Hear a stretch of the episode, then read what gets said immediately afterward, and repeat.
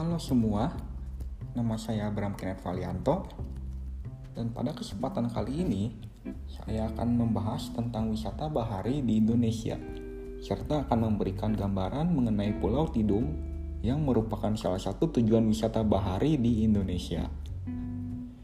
Pada umumnya, manusia akan melakukan kegiatan wisata dengan berbagai tujuan, seperti mengisi waktu luang, mencari ilmu dan inspirasi, menyalurkan hobi, serta tujuan lainnya. Salah satu bentuk wisata yang memiliki potensi cukup besar di Indonesia adalah wisata bahari. Apa itu wisata bahari? Wisata bahari adalah kegiatan wisata yang berkaitan dengan perairan dan kelautan.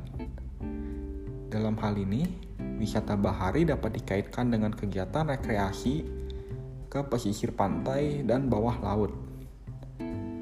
Tujuan dari wisata bahari ini adalah untuk menikmati keindahan alam di pesisir pantai dan laut, serta kegiatan edukasi dan konservasi alam demi melaksanakan pariwisata yang berkelanjutan. Kegiatan yang biasa dilakukan saat wisata bahari antara lain yang pertama menikmati keindahan alam pantai dan laut melihat terumbu karang dan berbagai biota laut dengan kegiatan seperti snorkeling dan diving. Kedua, menikmati pemandangan matahari terbenam atau sunset di pantai. Yang ketiga, melakukan kegiatan water sport atau olahraga air seperti kano, banana boat, surfing, dan jet ski. Yang keempat, melakukan ekowisata bahari atau kegiatan konservasi yang bertujuan untuk memberi pengetahuan mengenai kehidupan biota laut dan kegiatan menjaga ekosistem laut, seperti melakukan penanaman mangrove dan terumbu karang. Yang kelima, wisatawan juga dapat menikmati hidangan laut yang tentunya segar karena diolah secara langsung setelah ditangkap di laut. Kegiatan ini sangat cocok bagi mereka yang memiliki hobi memancing dan berburu hewan. Aktivitas wisata bahari pada dasarnya mengundang tantangan, keberanian, ketenangan, historis, dan rasa kecintaan terhadap alam lingkungan laut dan kehidupannya. Pada umumnya, taman wisata bahari berlokasi pada tempat yang memiliki lingkungan yang alami, sejuk, dan sehat sehingga dapat mencapai suatu kegiatan rekreasi bahari yang optimal. Di Indonesia sendiri, terdapat potensi yang sangat menjanjikan dalam kegiatan wisata bahari. Mengingat Indonesia memiliki sekitar 17.000 pulau, yang termasuk pulau-pulau kecil dan pulau karang, serta wilayah laut Indonesia yang sangat luas, sehingga Indonesia disebut sebagai negara maritim. Sebagai negara kepulauan, tentu saja pantai yang terdapat di Indonesia juga berjumlah ribuan. Pantai dan laut inilah yang menyimpan berbagai potensi yang jika diolah dengan baik akan memberikan berbagai keuntungan bagi masyarakat lokal. Salah satu keindahan bahari yang ada di Indonesia adalah Pulau Tidung yang terletak di Kepulauan Seribu, DKI Jakarta atau tepatnya di ibu kota Indonesia. Pulau Tidung adalah salah satu bagian dari gugusan kepulauan yang dinamakan Kepulauan Seribu. Pulau Tidung memiliki luas daratan sekitar 1 km persegi yang dibagi menjadi dua pulau utama, yaitu Pulau Tidung Besar dan Pulau Tidung Kecil. Kedua nama tersebut mewakili kondisi masing-masing pulau karena yang satu memang sebuah pulau yang cukup besar dan yang satu lagi merupakan pulau kecil. Untuk atraksi wisata di Pulau Tidung, kebanyakan terletak di Pulau Tidung Besar. Sedangkan Pulau Tidung Kecil hanya dijadikan tempat budidaya mangrove oleh pemerintah setempat. Sehingga di Pulau Tidung Kecil ini, Anda bisa melakukan konservasi tanaman mangrove Di antara Pulau Tidung Besar dan Pulau Tidung Kecil, terdapat sebuah jembatan yang menghubungkan kedua pulau tersebut. Jembatan tersebut bernama Jembatan Cinta. Jembatan sepanjang 800 meter tersebut merupakan salah satu favorit wisatawan di Pulau Tidung. Wisatawan biasanya akan menguji keberanian mereka dengan melompat langsung ke laut dari jembatan tersebut yang berjarak kurang lebih 8 meter dari permukaan laut. Jembatan tersebut juga merupakan tempat favorit wisatawan untuk melakukan hunting foto atau melakukan foto-foto dengan background pemandangan. Jembatan cinta juga menyimpan sebuah mitos. Konon, bagi wisatawan yang melompat dari jembatan ini dipercaya akan menemukan cinta sejatinya. Tidak jauh dari jembatan cinta, banyak ditemukan operator water sport yang menyediakan penyewaan sarana olahraga air seperti kano, jet ski, dan flying fish dengan harga mulai dari Rp30.000 tergantung dari jenis alat yang disewa oleh wisatawan. Selanjutnya, terdapat sebuah pantai yang terletak di ujung Pulau Tidung Besar Pantai ini bernama Pantai Saung Perawan dan menjadi salah satu favorit wisatawan untuk menikmati pemandangan sunset atau matahari terbenam. Pantai ini sendiri sangat tenang dan landai. Beralaskan pasir putih yang lembut dan kedalaman air laut sekitar 70 cm. Di sekitaran pantai ini terdapat pohon-pohon yang menjulang tinggi yang dapat digunakan wisatawan untuk berteduh di bawah teriknya panas matahari. Selain itu, di pantai ini juga terdapat saung bambu yang dapat digunakan untuk beristirahat sembari menikmati makanan dan minuman yang dijual oleh pedagang lokal. Tidak jauh dari pantai Saung Perawan, terdapat satu pantai lagi yang bernama Pantai Cemara Kasih. Pantai Cemara Kasih ini memiliki karakteristik yang tidak jauh berbeda dengan Pantai Saung Perawan, yaitu pantai dengan ombak yang tenang dan landai, serta diselimuti pasir putih yang sangat cerah. Hal yang membedakan dari Pantai Saung Perawan adalah masyarakat lokal menyediakan beberapa ayunan kayu yang bebas digunakan oleh wisatawan tanpa dipungut biaya sepeser pun. Oleh karena itu, banyak sekali wisatawan yang rela mengantri demi mendapatkan foto di ayunan tersebut dengan background keindahan laut Pulau Tidung. Aktivitas snorkeling dan diving adalah kegiatan yang tidak boleh terlewatkan dalam wisata bahari. Terdapat banyak spot untuk melakukan kegiatan diving dan snorkeling di Pulau Tidung untuk melihat keindahan bawah laut Pulau Tidung yang dipenuhi oleh terumbu karang dan padang lamun serta biota laut lainnya seperti ikan-ikan hias.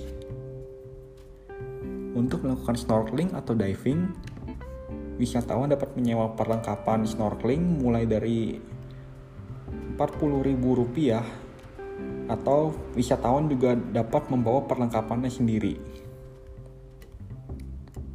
Dan juga bagi mereka yang belum pernah melakukan snorkeling atau diving, maka akan ada petugas yang akan mendampingi wisatawan untuk melakukan snorkeling atau diving.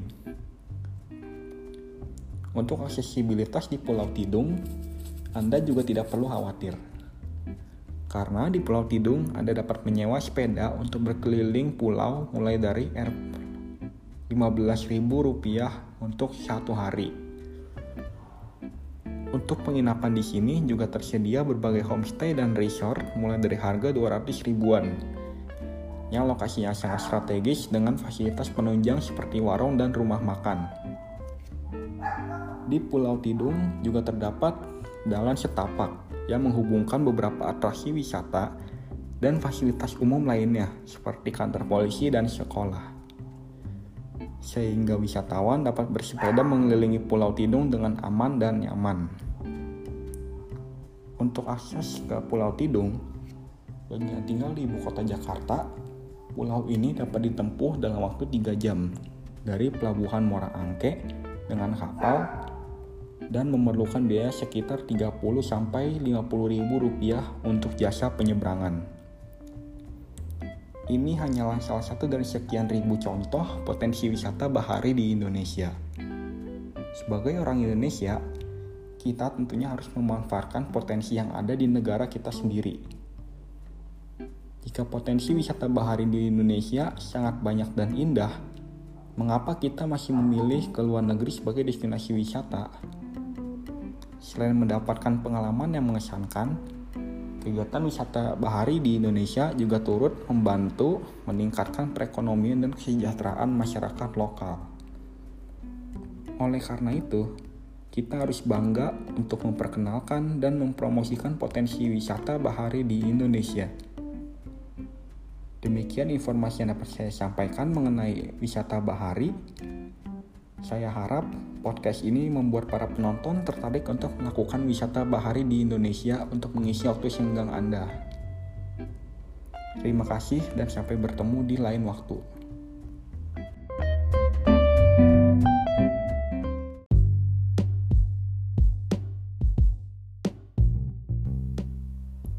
Halo semua, nama saya Ken dan pada kesempatan kali ini saya ingin membahas satu hal yang menjadi masalah serius di Indonesia, bahkan di seluruh dunia. Ya, sepertinya kalian sudah tahu apa yang akan saya bahas kali ini. Apalagi kalau bukan COVID-19 atau virus corona. Dengan mewabahnya virus corona secara global, tentunya sangat berdampak bagi kehidupan manusia. Aktivitas manusia menjadi terbatas, mereka tidak bisa keluar rumah, manusia juga tidak dapat melakukan kontak sosial secara langsung karena itu dilarang oleh oleh pemerintah. Saya sendiri semenjak pemerintah Indonesia menerapkan social distancing pada bulan Maret yang lalu. Terhitung sudah dua bulan saya berdiam diri di rumah. Saya hanya keluar kalau ada kepentingan seperti membeli kebutuhan pangan dan juga kebutuhan hidup lainnya. Nah apa sih COVID-19 itu? Dan mengapa bisa menyebar secepat itu COVID-19 atau kepanjangannya Coronavirus Disease 2019 atau di bahasa Indonesia adalah penyakit coronavirus 2019 adalah sebuah penyakit yang disebabkan oleh sebuah virus yang bernama SARS-CoV-2. Virus ini pada awalnya ditemukan di kota Wuhan di Republik China. Diduga virus ini ditularkan melalui daging kelelawar yang dijual di sebuah pasar hewan di kota Wuhan. Semenjak kejadian tersebut, situasi di kota Wuhan menjadi sangat sepi dan mencekam. Karena pemerintah China pada saat itu juga langsung menerapkan kebijakan lockdown dan jumlah korban positif COVID-19 pada saat itu sudah mewabah di seluruh kota Wuhan, bahkan menyebar hingga seluruh China. Penyakit COVID-19 ini adalah penyakit yang menyerang bagian paru-paru manusia. Gejala-gejala yang dirasakan oleh penderita penyakit ini biasanya adalah gangguan pernafasan, seperti batuk, hidung tersumbat, dan sesak nafas. Tetapi ada juga penderita penyakit ini yang tidak mengalami gejala apa pun. Mereka disebut sebagai pembawa virus atau virus carrier. Biasanya orang yang tidak memiliki gejala ini mereka memiliki sistem imun tubuh yang kuat. Tetapi yang ditakutkan di sini jika mereka menyebarkan virus ini ke orang lain yang orang orang lain tersebut belum tentu memiliki sistem daya tahan tubuh sekuat mereka. Pada kasus terparahnya, penyakit ini dapat menyebabkan kejang-kejang, disfungsi organ tubuh, dan meninggal dunia. Pada umumnya, penderita penyakit ini, khususnya yang meninggal dunia itu, adalah orang berumur. Karena biasanya orang-orang ini mereka memiliki penyakit bawaan yang dapat melemahkan sistem imun tubuh mereka seperti penyakit jantung, kanker, dan diabetes. Nah, untuk mencegah penyakit ini sebenarnya bisa dibilang cukup sederhana, yaitu dengan berdiam diri di rumah, menghindari kontak sosial langsung dengan orang lain, dan juga menjaga kesehatan dan kebersihan. Untuk penanganan penyakit ini sendiri, untuk orang tanpa gejala sebenarnya cukup simple, yaitu dengan cara mengisolasi diri di rumah, menjaga jarak dengan orang lain, menerapkan pola hidup sehat, dan juga menjaga kebersihan.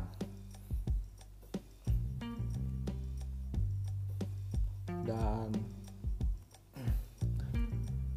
kasus ini pada awalnya hanya menyebar di China saja. Tetapi karena kurangnya kewaspadaan dari pemerintah negara lain, pada akhirnya virus ini mulai menyebar. Awalnya virus ini tuh menyebar di beberapa negara yang berada di sekitar China, seperti Korea Selatan dan Jepang. Karena negara-negara ini tidak membatasi akses masuk orang asing ke negara mereka. Jadinya eh, hal ini menyebabkan adanya orang asing yang masuk ke negara mereka dan mereka adalah pembawa virus. Dari yang awalnya hanya di sekitar China saja, lama-kelamaan kasus ini telah menyebar di seluruh dunia, seperti negara-negara di Eropa, Amerika, Afrika, dan juga seluruh Asia. Hingga podcast ini dibuat, tercatat kurang lebih ada 4 juta kasus positif yang tercatat di seluruh dunia. Dengan kasus terbanyak itu di negara Amerika Serikat. Dengan 1,4 juta kasus positif. Bayangkan saja. Kasus ini awalnya bermulai dari negara China. Bisa menyebar secara luas di Amerika Serikat. Yang letaknya sangat jauh dari China. Dan juga berbeda benua. Karena virus ini juga penyebarannya cukup mudah dan cepat. Virus ini dapat menyebar melalui droplets seperti air liur, keringat, dan cairan lain yang keluar dari tubuh manusia. Bayangkan saja, misalnya kita berada di satu kereta. Nah, di kereta tersebut terdapat satu orang yang positif COVID-19 tetapi dia tidak merasakan gejala apa pun. Bahkan mungkin penderita ini tidak tahu bahwa dia telah positif terjangkit virus COVID ini. Apalagi jika kondisi kereta pada saat itu ramai dan juga berdesakan, hal ini dapat mempermudah virus ini untuk menyebar ke orang yang lainnya. Bayangkan jika penderita ini sedang berdesak-desakan lalu dia lalu terjadi kontak fisik dengan orang lain bahkan air liurnya pun bisa menyebar jika dia berbicara. Oleh karena itu demi mencegah penyakit ini kita harus membatasi aktivitas di luar rumah dan juga membatasi aktivitas sosial lainnya. Di Indonesia sendiri COVID-19 ini sudah berdampak cukup parah. Tercatat hingga podcast ini dibuat, terdapat 14.265 kasus positif yang dikonfirmasi di berbagai daerah di Indonesia dengan rincian 2.881 korban yang setelah sembuh dan 991 korban meninggal dan sisanya korban sedang dalam perawatan. Selain berdampak pada kesehatan manusia, pandemi ini juga berdampak pada berbagai sektor, seperti sektor ekonomi, politik, keamanan, dan pariwisata. Belakangan ini kita pasti sering mendengar informasi yang beredar di internet. Kalau ada perusahaan-perusahaan yang gulung tikar dan juga perusahaan yang melakukan PHK atau pemutusan hubungan kerja kepada para pekerjanya. Karena perusahaan-perusahaan tersebut tidak dapat beroperasi di tengah pandemi COVID-19 ini dan mereka tidak ada penghasilan yang masuk sehingga untuk menjaga kelangsungan bisnis mereka mau tidak mau mereka harus menghentikan operasinya atau melakukan pemutusan hubungan kerja Nah, bukan hanya ekonomi saja, tapi juga ke sektor yang lainnya. Meskipun pada saat ini pemerintah telah menerapkan PSBB atau pembatasan sosial berskala besar, tetapi hal ini bisa dibilang belum cukup efektif di Indonesia. Karena masyarakatnya sendiri masih banyak yang belum sadar akan bahaya dari penyakit ini. Mereka hanya mereka hanya ingin maunya sendiri dan juga mereka masih meremehkan dampak dari penyakit ini. Sehingga mereka masih melakukan aktivitas di luar rumah masih berkumpul dengan orang lain dan juga menghiraukan kebijakan pemerintah. Padahal untuk mencegah dan menghentikan rantai penyebaran penyakit ini dibutuhkan kerjasama dari pemerintah dan masyarakat agar penyebaran penyakit ini dapat berhenti secepatnya. Untuk bidang pariwisata sendiri, hal ini tentunya sangat berdampak. Karena jika kita berbicara mengenai industri pariwisata, yang terlintas di pikiran banyak orang itu pasti adalah kegiatan jalan-jalan di tengah pandemi seperti ini, pemerintah menerapkan social distancing atau pembatasan sosial berskala besar. Sehingga manusia tidak bisa beraktivitas di luar rumah, tidak bisa berkontak fisik dengan orang lain, dan juga tidak dapat berkumpul di satu tempat. Sehingga kegiatan pariwisata ini dipastikan sangat terhambat dengan adanya pandemi COVID-19 ini. Bahkan dari kabar yang saya dengar juga, beberapa startup industri pariwisata banyak yang mulai gulung tikar. Seperti contohnya Airy yang merupakan bisnis hotel online itu yang saya dengar belakangan ini mereka sudah tutup atau gulung tikar karena tidak dapat bertahan di tengah pandemi COVID-19 ini. Juga seperti yang dapat kita lihat beberapa kegiatan perjalanan juga sudah dibatalkan atau ditunda. Kegiatan event atau acara juga ditunda dan dibatalkan. Serta hotel-hotel itu sepi dengan pengunjung. Karena bukan hanya wisatawan domestik bahkan wisatawan mancanegara juga tidak dapat mengunjungi Indonesia. Karena pemerintah sudah membatasi akses masuk untuk orang asing di Indonesia dan juga berbagai negara telah melakukan kebijakan yang serupa. Dan untuk orang asing juga mereka tidak dapat keluar dari negaranya karena hal itu sangat dilarang di negaranya untuk menghentikan penyebaran penyakit COVID-19 ini.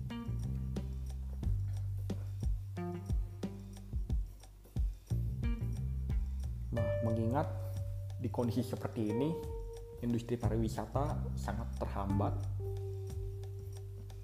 kalau saran saya itu mungkin di tengah-tengah pandemi seperti ini itu harus ada kerjasama dari pemerintah untuk membantu para pelaku industri pariwisata agar dapat bertahan di tengah pandemi. Misalnya, jika pemerintah memiliki dana darurat, mungkin pemerintah bisa memanfaatkan dana darurat tersebut untuk membantu industri pariwisata agar dapat bertahan dan juga membantu sektor lainnya agar tetap bertahan di tengah pandemi seperti ini. Dan kalau untuk kegiatan traveling dan juga event atau konser, belakangan ini kita sering mendengar tentang adanya konser online dan juga perjalanan virtual. Nah, di tengah kemajuan teknologi seperti ini, dua kegiatan ini menjadi sangat mungkin karena seperti contohnya perjalanan virtual dengan memanfaatkan teknologi video 360 derajat para wisatawan online dapat merasakan pengalaman berkunjung ke suatu destinasi wisata tanpa keluar rumah. Dan juga untuk konser online itu ini sudah diusahakan oleh beberapa penyelenggara event. Karena konser online ini dapat diselenggarakan di rumah.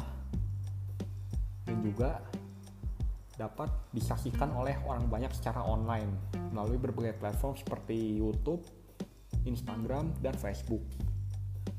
Kedua hal ini tentunya menjadi sangat mungkin untuk saat ini dan juga bisa menjadi salah satu solusi bagi para penyedia layanan pariwisata di tengah pandemi. Dan untuk penyedia industri pariwisata di bidang hotel, mungkin mereka bisa mengajukan bangunan hotel itu kepada pemerintah untuk dijadikan uh, tempat tempat atau pusat perawatan bagi para tenaga medis yang bertugas untuk menangani penyakit ini. Dan juga kalau kita berbicara hotel, pasti kalian tahu kalau mereka itu biasanya juga menjual makanan dan minuman. Nah, bisnis food and beverage ini juga terlihat menjanjikan di tengah pandemi COVID-19 ini. Karena terbat terbatasnya aktivitas manusia membuat mereka tidak bisa keluar rumah dan cukup kesulitan untuk memperoleh pangan. Jadi untuk bidang hotel bisnis ini sangatlah menjanjikan di tengah pandemi seperti ini. Dan mungkin saya hanya berharap agar ke depannya masyarakat dan pemerintah dapat berkoordinasi dengan baik sehingga pandemi COVID ini cepat berakhir. Dan ketika pandemi ini sudah berakhir, sebaiknya pemerintah mulai melakukan berbagai usaha untuk melakukan uh, untuk melakukan perbaikan di bidang pariwisata, terutama untuk mengisi kekosongan wisatawan di tengah pandemi.